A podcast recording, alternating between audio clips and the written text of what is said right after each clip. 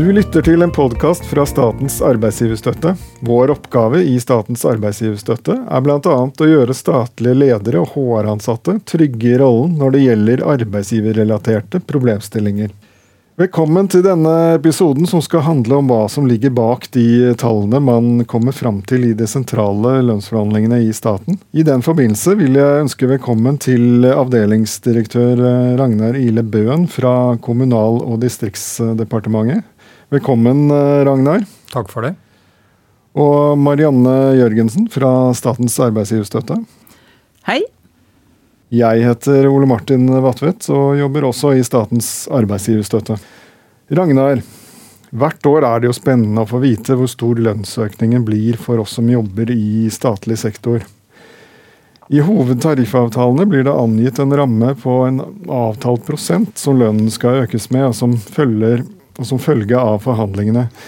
Kan du si litt nærmere om hvordan disse størrelsene framkommer? Ja, Når vi sier at årslønnsveksten er på en viss prosent, skulle man jo tro at tilleggene for den enkelte øker også med denne prosenten. Men det gjør den jo som regel ikke. Eh, stikkordene her er det vi kaller overheng og glidning. Overheng og glidning inngår i årslønnsveksten, men trekkes ifra den framforhandlede årslønnsveksten. Og når overheng og glidning er trukket fra, så kommer vi fram til den økonomiske disponible ramma.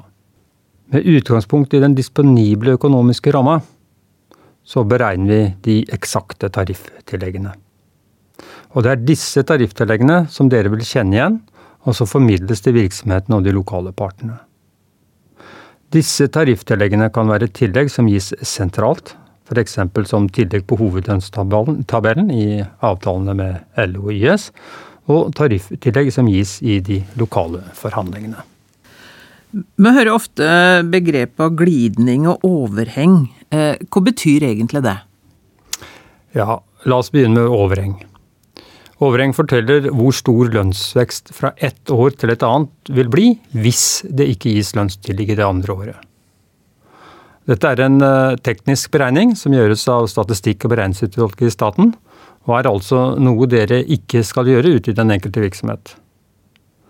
Dette er ikke noe det forhandles om, og det beregnes for hvert avtaleområde.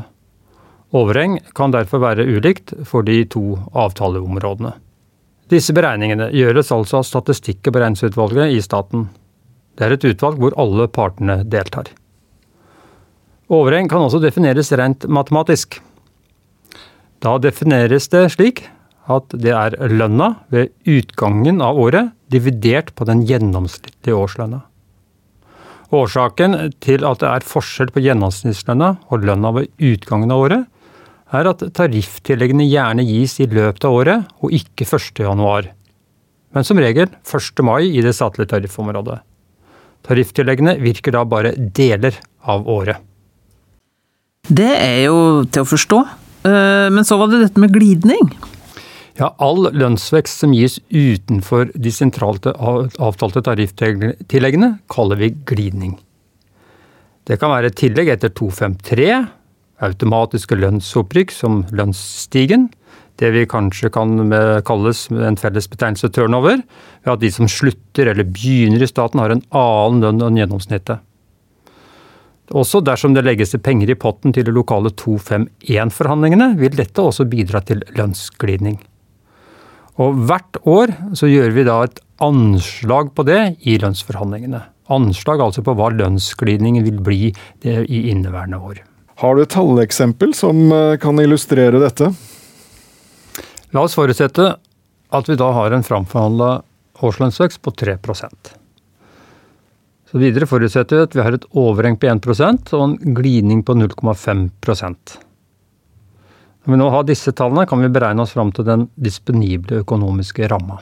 Da har vi en årslønnsvekst på 3% og trekker ifra overhenget på 1% og glidningen på 0,5% så får vi den disponible økonomiske ramma, som da blir 1,5% Og denne omregnes da til tariftillegg. Men uh, hvorfor blir ikke den økonomiske ramma det samme som tarifftillegget? Ja, Det hadde den også, dersom tarifftilleggene hadde vært gitt 1.1. Men den, det gjør den som regel ikke. Og vanlig virkningsdato i staten er 1. mai. Og dette er også da årsaken til at vi får overheng. For at vi skal oppnå den avtalte årslønnsveksten når tarifftilleggene gis ut, eh, ut, i året, altså 1. mai, må vi gi høyere tarifftillegg enn den økonomiske disponible ramma. Og dersom tillegget da gis 1. mai, vil 1,5% i disponibel ramme gi et tarifftillegg på 2,25% Det vil si, vi multipliserer da med 12 og dividerer på 8. Altså hvor 12 er antall måneder i året, og 8 er antall måned fra og med mai ut hvor tillegget skal virke. Eh, tidligere så sa du at overheng og glidning er noe som blir fastsatt sentralt, men eh, vi veit jo at alltid er det noen som eh, prøver å se på dette her lokalt, og som ikke kjenner at de tallene som det oppgir. Kan du si litt mer om det? Ja, Som jeg sa, så er dette noe som beregnes sentralt. Og vi beregner for staten som helhet. Derfor vil det aldri være slik at man kan se på lønnsutviklingen i egen virksomhet og tro at man kan regne seg fram til den avsetningen man skal forhandle om lokalt ved å gå ut fra disse tallene. Eh, når vi først er inne på dette med vanskelige begrep, eh, Ragnar. Eh, det står jo at arbeidsgiver skal vurdere eventuelle resirkulerte midler. Dette er noe vi får en del spørsmål om. Kan du forklare det?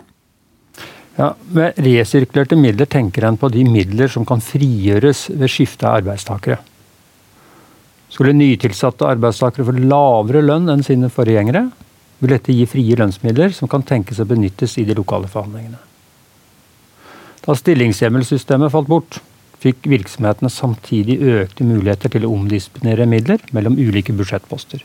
Virksomhetene bestemmer i stor grad sjøl hvordan de disponerer sine driftsmidler for å nå sine resultatmål hvor mange ansatte som er nødvendig, og med hvilken kompetanse og lønnsnivå kan endre seg kontinuerlig, avhengig av den lokale virksomhetsleders disponeringer og sentrale resultatkrav.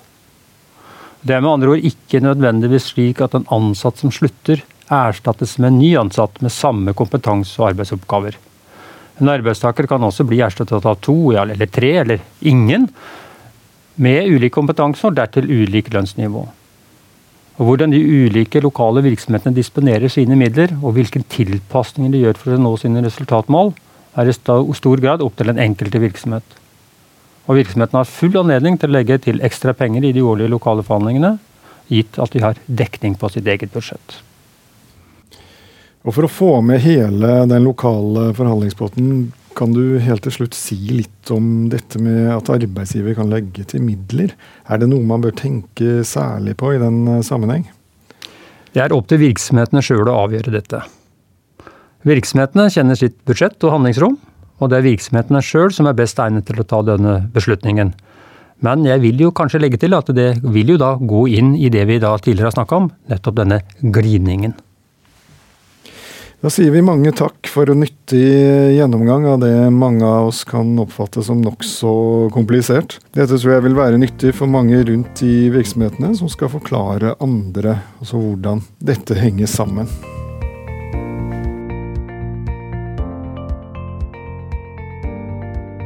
Takk for at du lyttet til denne podkasten fra Statens arbeidsgiverstøtte. Ønsker du å vite mer om årets lønnsoppgjør og hvordan du kan forberede deg til årets lokale lønnsforhandlinger, gå inn på arbeidsgiverportalen arbeidsgiver.dfo.no.